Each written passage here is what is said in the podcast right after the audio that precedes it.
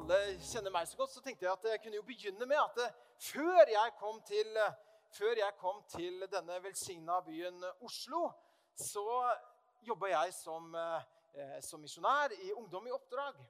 Og en av de episodene som jeg eh, husker eh, derifra, det var da vi kom eh, fra, eh, fra Honningsvåg, Nord-Norge, og så var vi på vei sørover. Og så hadde vi kommet over Saltfjellet. Er det noen som kjørte over Saltfjellet på vinterstid? Det er fascinerende, altså. Det var, mitt, eh, det var eh, min sånn Rødehavsopplevelse, bokstavelig talt. For der kommer vi i en eldre Ford Transit. Du vet disse hvite minibussene som er hvite var hvite firkanta. Du, du ser ikke mange av dem lenger. Det er en grunn til det. De holdt en stund, og så holdt de ikke lenger. Sånn som det er med noen biler. Og Ford Transit var vel en av de som ikke holdt altfor lenge. Men i en sånn type bil kjørte vi, og jeg er ikke helt sikker på om det var sommerdekk eller om det var eh, veldig dårlig vinterdekk. Men vi kommer iallfall over Saltfjellet. Det er trailere på hver side, det er biler på hver side i grøftene, for det var så utrolig glatt. Men vi, på et eh, holdt på å si, mirakuløst vis, så kommer vi gjennom, og, og bilene bare liksom ligger i hver grøft. Og der kommer vi i vår gylne for, for transit. Og det gikk jo veldig bra. Helt til vi ikke gikk bra lenger.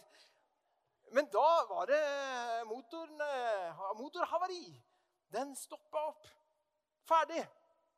Der ble vi stående. Men vi var kommet over Saltfjellet, og vi var kommet nesten til Fauske. Så det var en ganske kort tur til, til Fauske, rett og slett. Og Fauske, dere, det er også en fin plass. Eh, og som jeg har eh, egentlig veldig gode minner fra. nettopp, Og det skal du høre her. Etter så mange år så kjenner jeg at, eh, at jeg blir bare glad ved å tenke på Fauske. Der hvor eh, vår bil havarerte, noe egentlig som skjedde som egentlig var veldig kjedelig. Som gjorde at de planene vi eh, hadde, det måtte vi endre på fordi bilen stoppa. For der, nemlig, på prestegården i Fauske, var det noen som tok imot noen eh, litt sånne småfortvilte unge misjonærer som ikke visste helt hvordan man skulle komme seg videre. Der hadde de tent opp peisen. Det var varm kylling. Det var eh, pledd. Det var liksom alt du kan tenke deg av varme og godhet og omsorg. Så vi følte bare What?! Hva slags sted er dette her? Så hvorfor er det sånn at jeg allerede, altså fortsatt i dag kan tenke å, det der var jo egentlig en veldig fin opplevelse. Vet du hva? Vi ble tatt imot som om vi var engler. Det føltes virkelig sånn. Det er en av de gangene jeg har følt meg som en engel. Eh, så Noen ganger jeg har følt meg som en reddende engel, noen andre ganger. Men, men en av de liksom, hvor du virkelig følte at det, Oi, her var det noen som ikke bare åpna døra, men åpnet hjertet sitt. Ikke bare åpna kjøleskapet, men fryseren. De åpna egentlig alt som var å åpnes opp for å på en måte dele med noen som trengte det i en spesiell situasjon. Du vet, Sånn som vi reiser i dag, så reiser jo vi veldig mye i forhold til eh, på, på, Jesu tid. Det var uvanlig egentlig å reise så mye. Eh, selv om apostlene og, de, og, evangelistene reiste jo veldig mye, så, så, var det ikke så vanlig å reise sånn som det er i dag. Det vil si at Man hadde jo ikke heller så mye bed and breakfast eller hoteller eller sånne ting heller. Men man var egentlig prisgitt at det var noen som åpna døra for deg og tok deg imot. Tok deg imot. Så Derfor så, så vil du si at en, en sånn kjerneverdi i første kirken var nettopp dette her gjestfrihet. Det å legge vind på gjestfrihet, det å ta vare på den praksisen eller noen ting som du, som du gjør, men også som gjør veldig mye med som du gjør veldig mye med deg. I Norge så, så er det jo litt sånn interessant. Eh, når du møter eh, eh, Mange her har sikkert kommet flyttende til Norge. Og når du møter en nordmann eh, eller en som har vokst opp i Norge, Norge da, og så eh, møter du den på trikken eller T-banen, så er man liksom fordypa i, i, telefonen sin og i, snakker ikke så veldig mye. Oppsøker egentlig et sted der hvor du slipper å snakke med noen. Men hvis du møter den samme personen på ski, eh, skitur i Nordmarka, eller, så da er det 'Hei! Så godt å se deg!' Så jeg ville jo foreslå at egentlig så burde vi hatt på oss ski på, også på T-banen. For det gjør noe når, når, vi får på oss ski. Kanskje du har vært på vinterferie her. og du har gått på ski. Det gjør noe med, med når, Da blir det så hyggelig og gjest. Vi stopper opp. 'Hvordan har du det? Hvor er du på vei?' Og skal du ha en eh, bit av Kvikk Lunsjen min? Eller skal jeg skrelle appelsinen din? Eller det er veldig ja, Kanskje ikke alle som spør så mye, men det kan være litt sånn inntrengende å spørre om liksom, skal jeg skrelle appelsinen din. Eh, mistenksomt.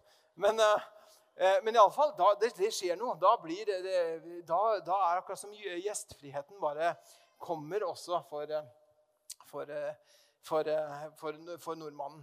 Du vet at eh, I dag så hadde jeg lyst til å rett og slett sette litt eh, ord på dette her med å legge vind på, på gjestfrihet. Fordi at eh, noen ting av det som skjer i ditt og mitt liv, skjer Noe av det beste tror jeg, som skjer i ditt og mitt liv, er pga. egen gjestfrihet eller andres gjestfrihet. Det er noe virkelig sånne, noen sånne skatter som ligger her, som jeg har lyst til å bare eh, snakke med deg om denne søndagen. her. Tror du det blir bra? Så fint. Da gjør vi det. Da gjør vi det sammen. Du vet at Jesus han, eh, han er jo noen ganger en, eh, en, som er på en måte en, en vert.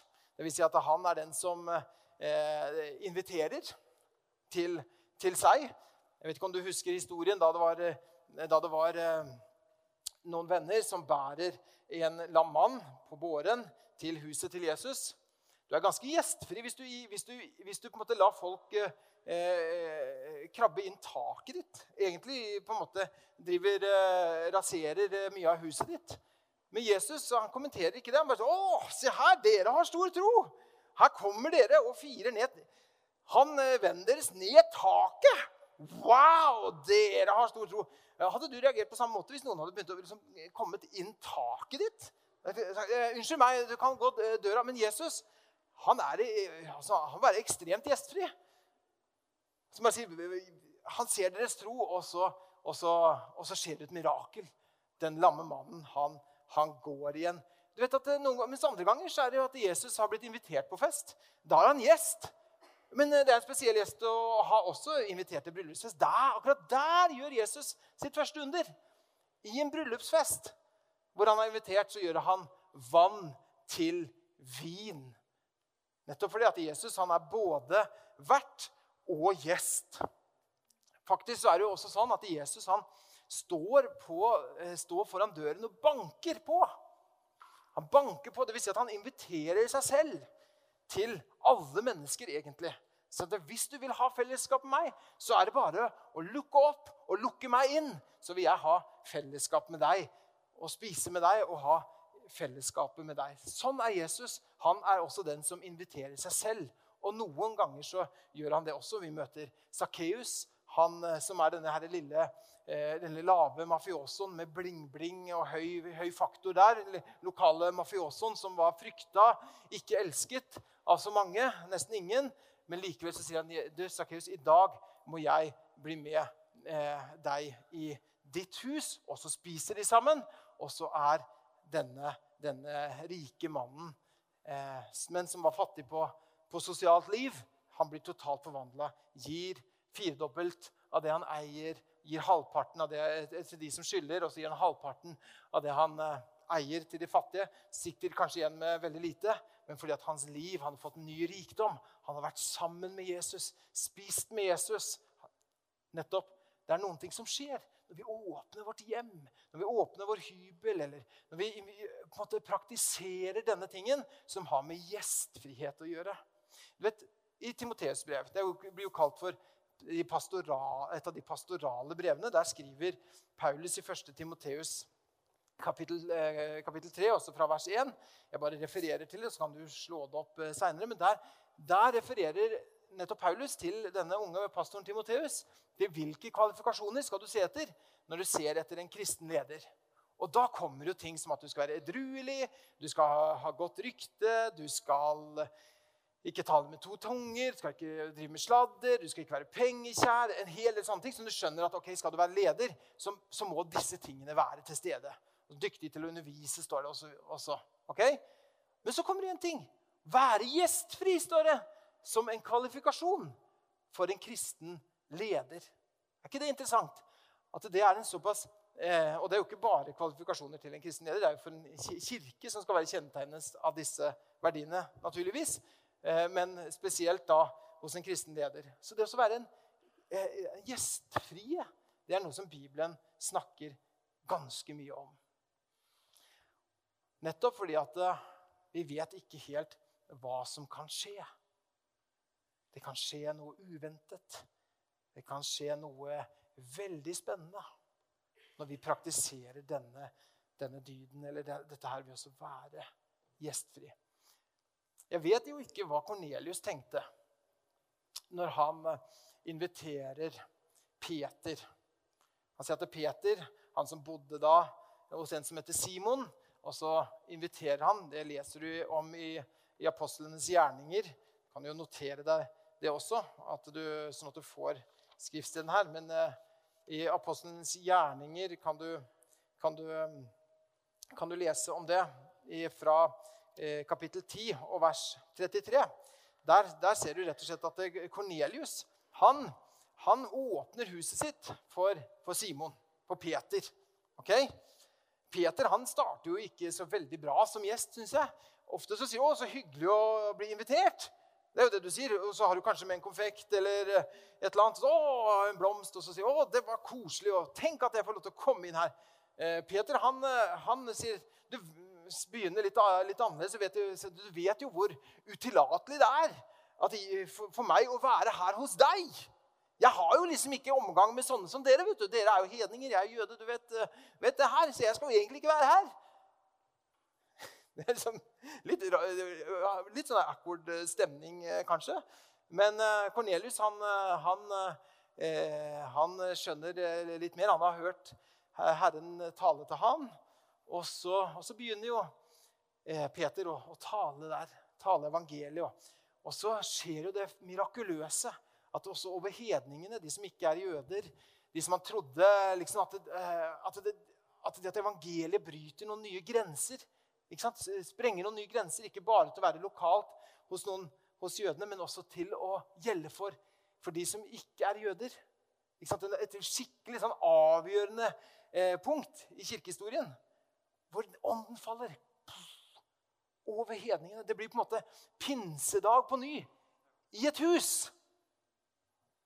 Der, vet du Fordi at Kornelius eh, åpner hjemmet sitt, så skjer det det uventede. Det skjer et mirakel, noe som, som Gud gjør. Der står det at Kornelius sier, 'Nå må du tale, Peter, for her er vi alle samla for Guds åsyn.' Og så taler han, og så skjer dette mirakelet. Jeg vet jo ikke hva Lydia tenkte heller når hun inviterer Paulus og, og de andre til å komme hjem til seg. Denne handelskvinnen som, som da blir et sånn brohode for evangeliet til Europa. Det skjer. Og så får, får, Paulus og de, og, og de som reisefølget hans, får bo der hos Lydia. Og så blir det en misjonsbase for evangeliet til Europa. Hvor fantastisk er ikke det?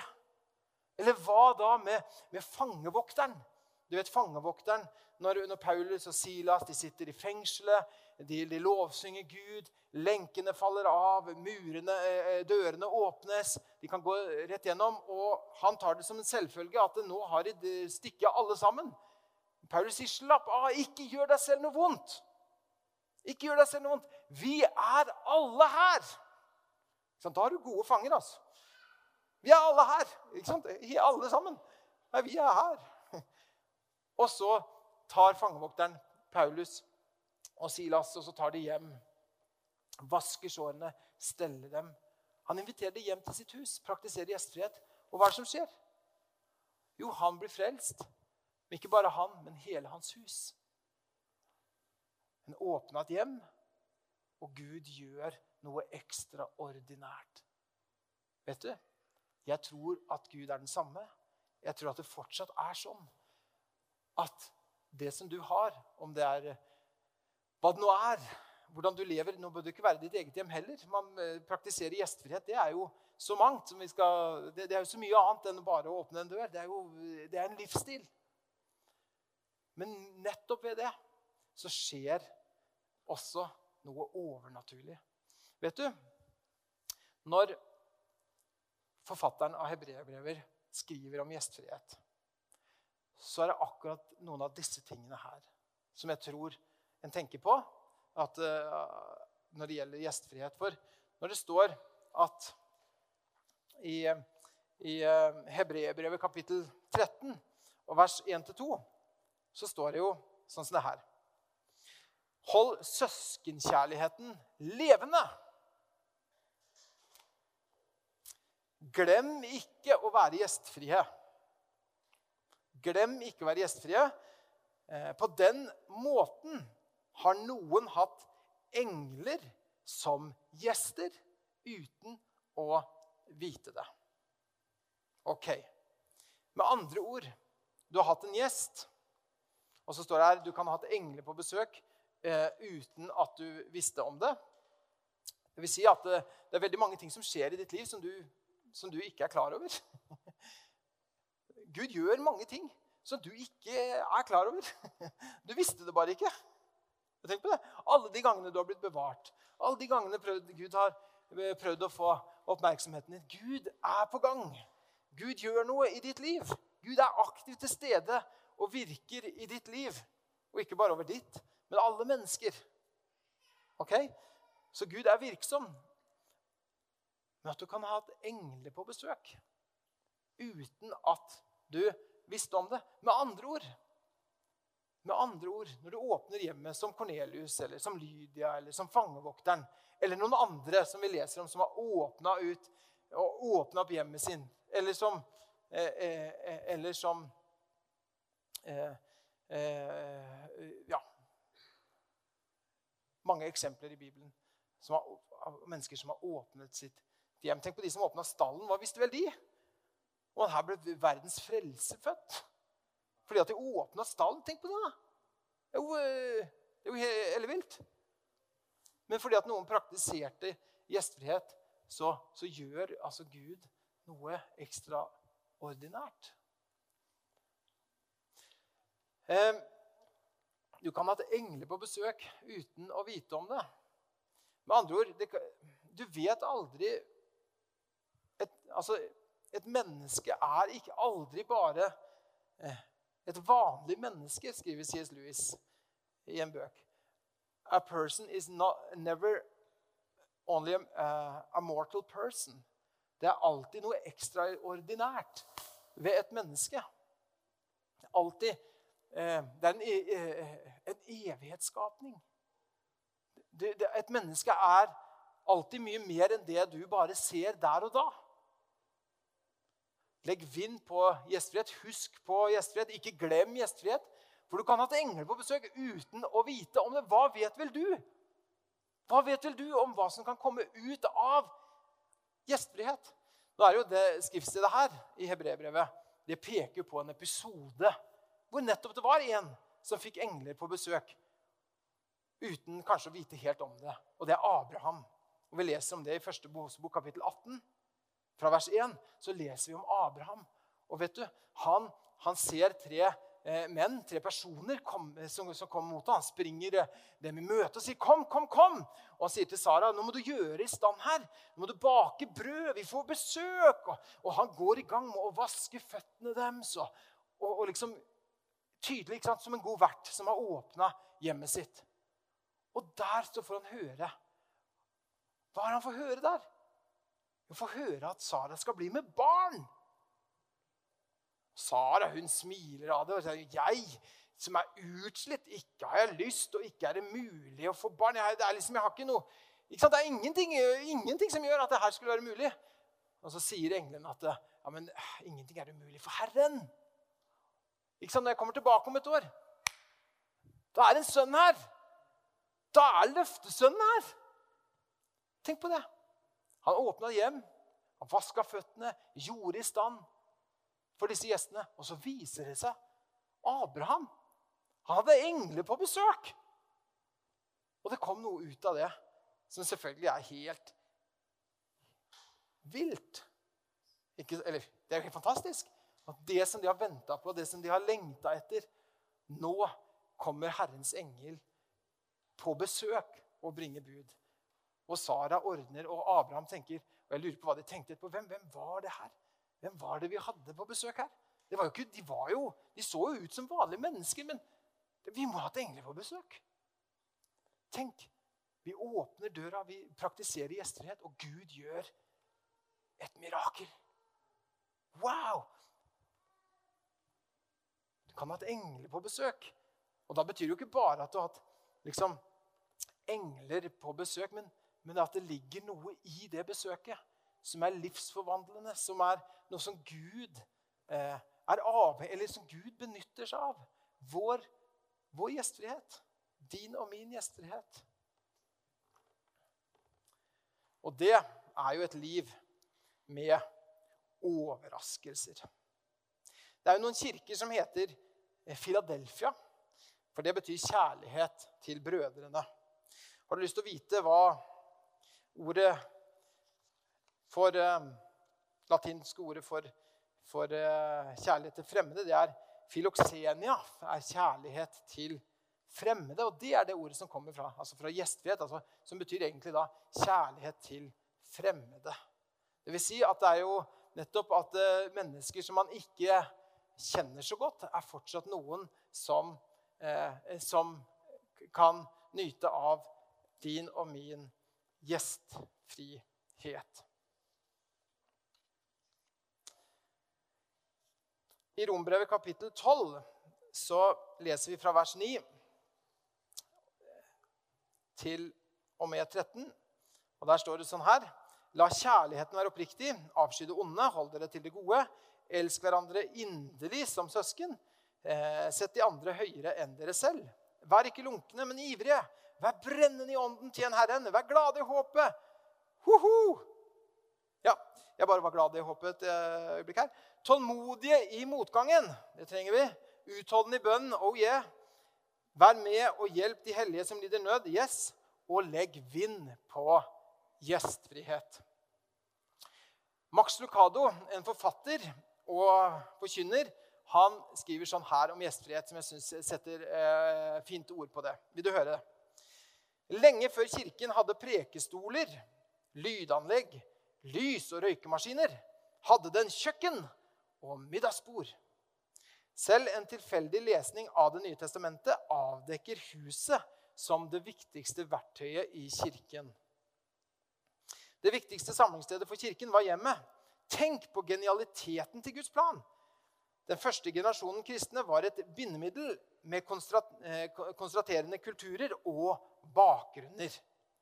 Minst 15 forskjellige nasjonaliteter hørte Peters preken på pinsedagen. Jøder sto ved siden av hedninger. Menn tilba med kvinner. Slaver og mestere fulgte Kristus. Kan mennesker med så variert bakgrunn og kultur holde sammen med hverandre? Vi lurer på det samme i dag. Kan en kristen familie føre et sivilt vennskap med det muslimske paret nede i gaten? Kan ulike mennesker komme sammen? Den tidlige kirken gjorde det uten hjelp fra helligdommer, eh, kirkebygninger og eh, eller, eh, teologiske seminarer. De gjorde det gjennom det klareste budskap, korset, og det enkleste verktøyet, hjemmet. Ikke alle kan tjene i et fremmed land. Men hvem kan ikke være gjestfri? Har du inngangsdør, har du et bord, en stol, brød og kjøttet smørbrød, gratulerer! Du kvalifiserte deg til å tjene i den, eh, en av de eldste tjenestene gjestfrihet. Noe hellig skjer rundt et middagsbord som kanskje ikke skjer i en gudstjeneste. I en gudstjenesten ser du ryggen på og, hod, og, og bakhodene, men rundt bordet ser du uttrykk på ansikter. I auditoriet snakker en person. Rundt bordet har alle en stemme. Gudstjenester er på klokka. Rundt bordet er det alltid tid for å snakke. Gjestfrihet åpner døren for uvanlig fellesskap. Det er ingen tilfeldighet at gjestfrihet og sykehus kommer fra det samme latinske ordet. De fører begge til samme resultat. Helbredelse. Altså ordet 'hospital' og 'hospitality', så ser vi det jo veldig i uh, den engelske uh, blir litt, gir litt mer mening. Sånn. Uh, når du åpner døren for noen, sender du denne meldingen 'Du betyr noe for meg og for Gud'. Du kan tro at de sier 'kom hit på besøk', men det gjesten din hører, er 'jeg er verdt innsatsen'. Er ikke det interessant at uh, ordet gjestfrihet og ordet og sykehus, hospital og hospitality, at det er eh, to ord som er identiske? At de begge fører til noe. Det, det, det skjer noe der hvor gjestfrihet blir praktisert. Da vi reiste fra Fauske, så følte vi oss mye bedre til mot. Fornya, forstyrket, glade. Hvorfor det? Jo, fordi vi har blitt tatt imot på en sånn måte.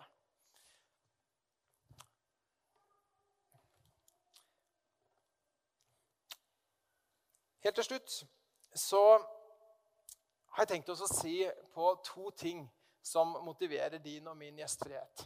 Er du med på det? Eh, og det ene er ved å se bakover. Se bakover, det er jo Jeg tror jo på å se, se framover. Absolutt. Men noen ganger så kan det være bra også se bakover og se hvor er det egentlig jeg kommer fra.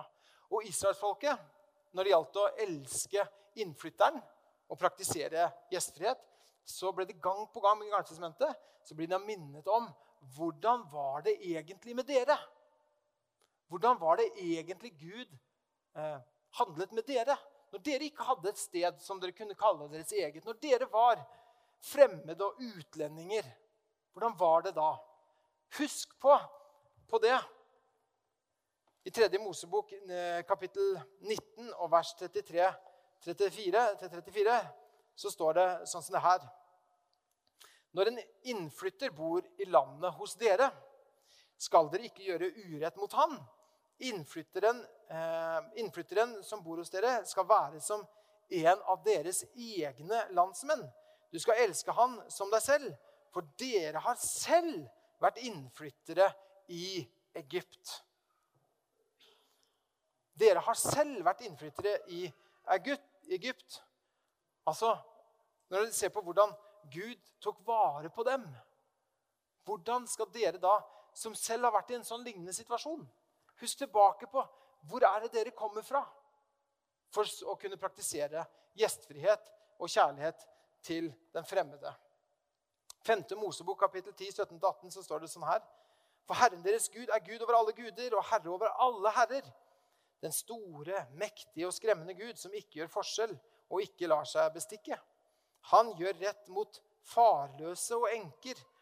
Og så står det og elsker innflytterne i landet, så han gir dem mat og klær.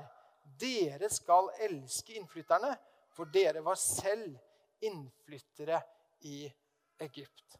Altså hvis gjestfrihet er kjærlighet til fremmede Altså den som er en innflytter, den som du på en måte ikke står så nær nødvendigvis. For israelsfolket så var det nettopp dette her, at dere har jo sjøl vært fremmede. Og Gud elsker dem også. Så påvirker det hvordan vi våre tanker om gjestfrihet. Men så gjelder det også for deg og meg, da. For Gud han er jo den som viser gjestfrihet mer enn noen annen. Mm -hmm. Er du enig i det? Gud er ikke en gnien Gud. Gud er ikke sparsommelig når det gjelder deg, men Gud er han har en sånn overstrømmende rikdom av nåde og godhet som han lar strømme over ditt liv. Han lar det til og med regne over urettferdige. Så god er Gud. Han lar det regne over alle mennesker. Hans, hans godhet når ut til alle mennesker. Mm -hmm. Men den ultimate gjestfriheten, det er jo denne her, som vi leser om i Efeserbrevet kapittel 1 og vers 5-6. For det står at Og etter sin egen gode vilje avgjorde han på forhånd at vi skulle få rett til å være hans barn ved Jesus Kristus, til lov og pris for hans herlighet og nåde, som han overøste oss med i ham, eh, i ham som han elsker så høyt. Vi som var langt borte, vi som var uten løftene, uten håp og uten Gud i verden, Men så har vi som da var langt borte, har kommet nær ved Jesus Kristus, at vi ble tatt imot av ham. Så nettopp ved å se tilbake på det som var, hvor jeg kommer fra At jeg som var en fremmed, jeg som var langt borte, har nå kommet nær og fått et hjem hos Gud. Han som går Han som har gjort i stand et sted for meg, sang vi. Han som har gjort i stand et sted for meg. At jeg, som var så langt borte, har, har fått kommet nær. Hvilken nåde det er. Og da er det sånn at det derfor kan vi si med Paulus i Rombrevet 15,7 at det, ta derfor imot hverandre. Ta derfor imot hverandre slik Kristus har tatt imot dere. Ok, så Når jeg ser tilbake på hva Gud har gjort mot meg ok, ta, så ta, Fordi at jeg har blitt tatt imot av Jesus på den måten Hvordan da? Når jeg hadde alt på stell, når alt var perfekt i livet mitt? Nei, ikke da. Men da egentlig alt var eh, Når jeg ikke var så elskverdig nødvendigvis. Da tok han imot meg. Og fordi at han tok imot meg, så kan, ta, så kan vi ta imot hverandre. Ikke bare for å ha en hyggelig kveld sammen, men til Guds ære. Hvordan ser det ut? Det tenker jeg er at da, da blir, da blir eh, gjestfrihet egentlig, dypest sett, når du åpner ditt hjem eller åpner opp ditt liv og, og liksom eh, byr på det som Gud har gitt til deg, vet du hva, så blir det praktisering av evangeliet. Det blir en synliggjøring og en demonstrasjon av hva evangeliet er for noe. Er ikke det flott? Det er jo helt fantastisk. Har du lyst til å ikke bare tro på evangeliet, men leve evangeliet? Hva da betyr det at da tar jeg imot, da tar vi imot hverandre slik som Kristus tok imot oss, til Guds ære. Det vil si at jeg tenker om det jeg har hjemmet mitt, livet mitt ja, men Hvordan kan jeg ta og leve ut evangeliet på en måte som blir en synliggjøring? Jo, ved hvordan jeg på en måte tar imot andre mennesker i mitt liv. Hvordan jeg praktiserer gjestfrihet. Det syns jeg er fantastisk. Det blir en, en, en skikkelig herlig demonstrasjon av evangeliet i denne byen. Og det tror jeg denne byen her trenger. Nå passet det med hva de sier på kristenmøter. Amen, ja. Fem poeng. Amen. Det er flott. Ikke bare ved å se bakover, men også se framover. Ja, der var det en som ville Amen. Og så se framover. Og hva er det vi ser framover? Jo, når vi ser en gang hvordan det skal bli. Hvor alle på en måte, alle etniske skillelinjer virkelig er på en måte bry, bry, brutt ned. Ikke sant? Og vi ser, eh, ser det nye Jerusalem. Vi ser om det her i Johannes' åpenbaring, da vi alle skal være som Vi har blitt invitert til fest. Vi har blitt invitert til et, eh, til et bryllupsmåltid. Og allerede nå så er bordet dekket, stolen er satt fram, alt er klart. Men gjestene har ennå ikke kommet. Men likevel så gir Johannes' åpenbaring et glimt av hvordan det er når vi, når vi, kommer. Tenk på det. At hele Guds rike, hva er det lignet som? Jo, det er lignet som en fest. Guds rike er en fest som du allerede har tatt imot invitasjonen ikke sant? Forhåpentligvis at du har tatt imot invitasjonen. Yes, jeg vil komme! Eh, jeg vil komme. Jeg, jeg lar ingen unnskyldninger liksom, komme i veien for denne her eh, alle festers mor. Si. Altså, det er jo virkelig festen. Gudsrikefesten som du og jeg er blitt invitert. Tenk på det, at Hvis du forstår, hvis du forstår gjestfrihet i det store bildet, så skjønner du at det, det, wow, det, det, er jo det det her handler om. Ikke sant? at du og jeg er blitt invitert til en bryllupsfest. Og der, når den festen er, så Hvordan ser det ut? Hvis du ser hvordan, hvordan det ser ut, så er det alle nasjonaliteter, alle etniske grupper, alle tungemål er samlet foran Guds trone. Og lovsynger han, og priser han, og tilber han. Så det vil si at når jeg ser bakover, ja, så motiverer det meg til gjestfrihet. Men også når jeg ser framover, og hva som en gang kommer. Hvor alle folk, alle uh, ulike mennesker fra bakgrunner og kulturer. Ja, De kommer og bringer sine skatter framfor tronen og tilber han og ærer han. Det er også en ting som motiverer meg til gjestfrihet? Jo, fordi det er jo det dypest sett Guds rike handler om. At Guds rike er Iallfall en av bildene Bibelen bruker om Guds rike. Det er jo flere bilder. Men et av disse virkelig fremtredende bildene på hva det er, er dette, denne festen som det er blitt invitert til for at huset skal bli fullt. Gud ville ha fullt hus. Liker du å ha fullt hus hjemme noen ganger? Er ikke det fint? Det, det er godt å ha fullt hus. Det, det, koster litt. Det krever litt. Absolutt. Noen ganger så kan det være fristende, og så, så, og så, er det ikke noe på Netflix eller er det ikke noe annet jeg kan gjøre. Å, det er jo så rotete her. Og, eller det er aldri hos dere, da, men uh, hos oss. Ikke sant? Det, det, og det, å, det hadde passa. Å, jeg er egentlig litt trøtt. Så Det, er jo, det krever jo litt også. Men det er kanskje derfor Bibelen sier husk på dette her. For dette her er viktig. Dette er en sentral del ved, vårt, ved det kristne livet.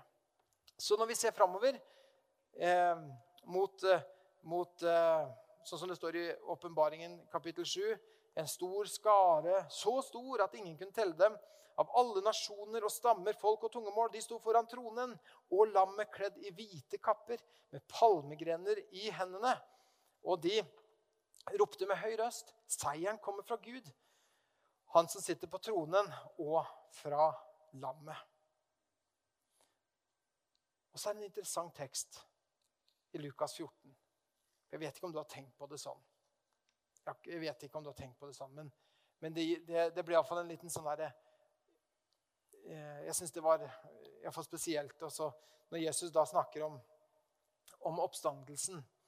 Eh, eller så, så, så, ja, Kanskje vi skal lese dette verset, så, så skjønner dere hva jeg mener. God idé. Takk for den, du. Men dere vet jo ikke hvor det står. Lukas 14, fra vers 12. Der er Jesus på fest. Da, da, skjer det mye spennende. Bare les i evangeliene. Det er fascinerende lesning. Da, da, da skjer alt, altså. Når Jesus er eh, på besøk. Han sa et ord til, eh, til verten. Ok? Eh, når du skal ha gjester til middag eller kveldsmåltid, skal du ikke be venner eller søsken eller slektninger eller rike naboer. Eh, for de kommer jo til å be deg igjen, og dermed får du gjengjeld. Nei, når du skal holde selskap, så innby fattige, uføre, lamme og blinde. Da er du lykkelig, for de kan ikke gi deg noe igjen. Men så står det her Men du skal få lønn for dette når de rettferdige står opp fra de døde. Altså, du skal få lønn for dette. ok, når de rettferdige, altså På den, siste, den ytterste dagen, når de, når, eh, når de rettferdige står opp fra de døde ikke sant? Så, Aha, vet du, jeg la merke til en ting. Du hadde jo denne naboen innpå på, på, Grandis denne, den fredagen. Vet du hva? Jeg bare har lyst til å lønne deg for dette. Ja. Tenk at Jesus kommer og gir lønn fordi du inviterte noen hjem til deg. Jeg syns det er veldig interessant. Nå, nå, tenker jeg, Du må ikke si det til gjestene dine. da. Du, altså, egentlig så tenkte jeg ikke å invitere deg. Men se her. Se jeg. Det står faktisk at jeg skal få lønn for dette her. Så derfor så tenkte jeg at, uh, at du kunne komme.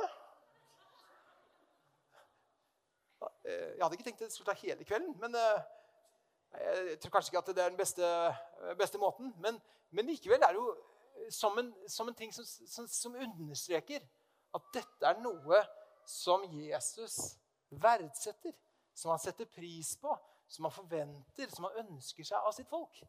Det tror jeg kommer ganske tydelig fram her. Vet du, legg vind på gjestfrihet. Du kan ha hatt engler på besøk uten å vite om det. Ja, vet du hva?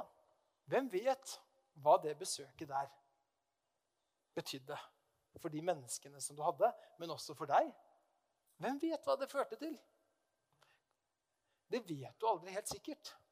For noen er kanskje innom en, en stund. Jeg tror ikke at disse som tok oss imot i, i Fauske, tenkte så veldig mye på at dette, dette skulle bety noe for, for, noen mennesker i lang tid. Men for meg så er det blitt et minne som jeg tar med meg som en sånn Oi, det skal jeg huske på. Hvem vet hvem du har på besøk? Hvem vet hva som kom ut av det? Hvem vet hva av delt liv som kunne skje der? Det var en som sa det sånn at vekkelse det kommer ved at vi åpner døra, åpne kjøleskapet og åpne fryseren. Det er en veldig sånn enkel oppskrift, da.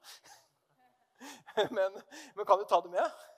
Så det, men iallfall eh, Vi kan ta det med. Jesus, han eh,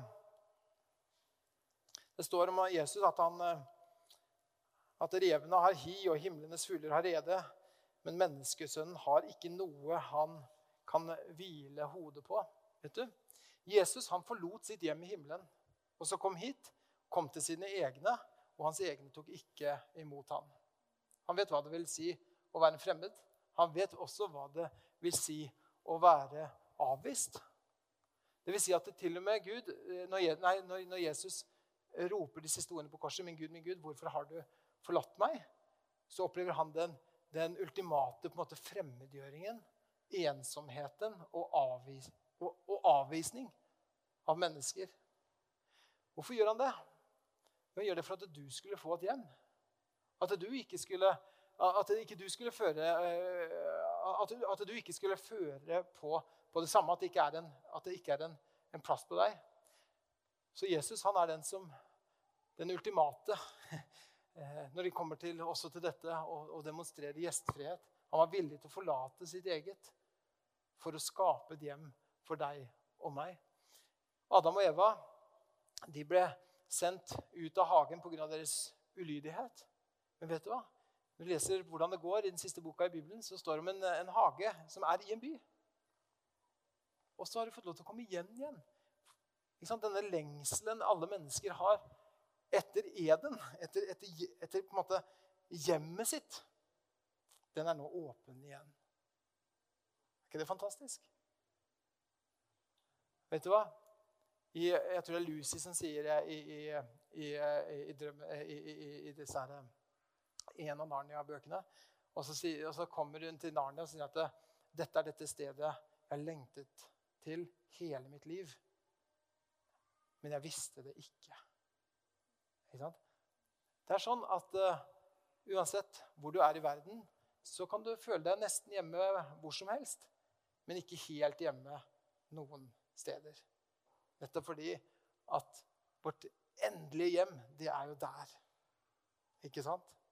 Men mens vi er på denne veien, mens vi venter på at bryllupsfesten skal finne sted, så kan du og jeg praktisere noen ting som Bibelen løfter fram som noe vi alle kan være med på, og som kan, som kan bety så mye for deg og for de som kommer i berøring med med ditt liv ved å praktisere gjestfrihet. For hvem vet? Hvem vet hva som kan skje? Kanskje ikke det er akkurat det samme som skjer i Kornelius' hus. Kanskje ikke det er det samme som skjer i Sakkeus hus. Kanskje ikke det er det samme som skjer i Lydias hus. Men, men det kan skje noe. Fordi at du våget å bryte med menneskefrykt eller bryte med, med isolasjon eller bryte med noen av disse tingene som det er en del av i vår kultur, men praktisere en annen type gudsrikekultur ved å praktisere gjestfrihet. Skal vi be sammen? Jesus, vi takker deg. Vi takker og priser deg at du, at du er den som har eh, invitert oss til å komme. Du sier til dem sånn, 'Kom og spis. Kom og drikk.' Takk, Jesus, at vi kan få lov til å komme til deg uten betaling, uten at det koster noe. Men det er fritt får vi lov til å komme og spise og drikke av dine gode gaver, Herre. Takk for det, Jesus. Vi takker deg at når vi ser tilbake på hvor vi kommer fra, så fylles vi med så stor takknemlighet at vi som var langt borte, har nå fått kommet nær ved ditt blod. Takk, Jesus, at du sa til oss at vi kunne få lov til å komme til deg, Herre Jesus, og få et, få et hjem eh, der, Jesus. Herre, vi takker deg at når vi ser framover, så ser vi eh, i fullendelsen at vi skal sitte rundt det samme bordet alle sammen med folk fra alle tungemål og grupperinger. Og, og skal vi sammen få, få sitte rundt det samme, det samme, bordet. Og nå ber jeg deg, Jesus, at du i denne dagen her så, så bare takker vi at vi kan få lov til å løfte opp våre hjem, eller våre bosteder. Om vi ikke har et fast sted som vi bor på, så, så takker jeg for at, du, at, at, at vi kan fortsette å, å, å praktisere gjestfrihet i vårt liv. Men med, kanskje med en ny forventning. Eh, en ny forventning og et nytt perspektiv på hvordan evangeliet kan bli synliggjort gjennom det, Jesus. Herre, vi takker deg for det. Vi priser deg for det, Jesus. Vi takker deg for det. Jesus, jeg takker deg for uh, himmelen om det, er, om det er noen som er bundet av menneskefrykt, så takker jeg deg for at du, at du kommer og møter det også, Jesus. Vi priser deg for det.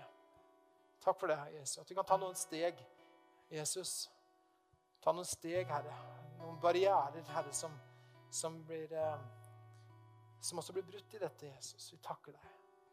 Takk, Jesus, at, eh, at våre hjem og stedene der vi bor, Jesus, kan være som Kornelius' hus. At vi er samlet for ditt åsyn.